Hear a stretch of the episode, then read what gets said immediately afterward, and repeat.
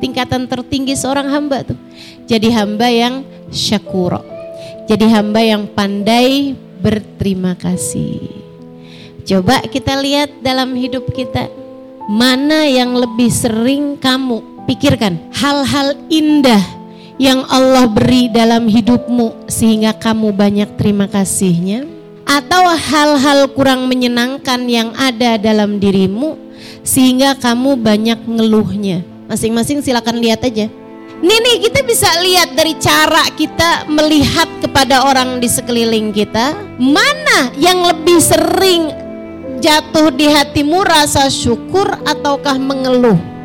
Kemudian teman-teman sekalian terhadap kehidupanmu mana yang lebih sering kamu rasakan? Kamu merasakan hidupmu berlimpahan anugerah Ataukah kamu melihat hidupmu begitu banyak ujian dan cobaan? Kamu ngerasa hidup kamu tuh yang, aduh emang mesti sabar banyak-banyak. Atau kamu justru merasa yang, aduh emang mesti banyak syukurnya nih hidup nih. Mana yang kamu rasakan dalam hidup?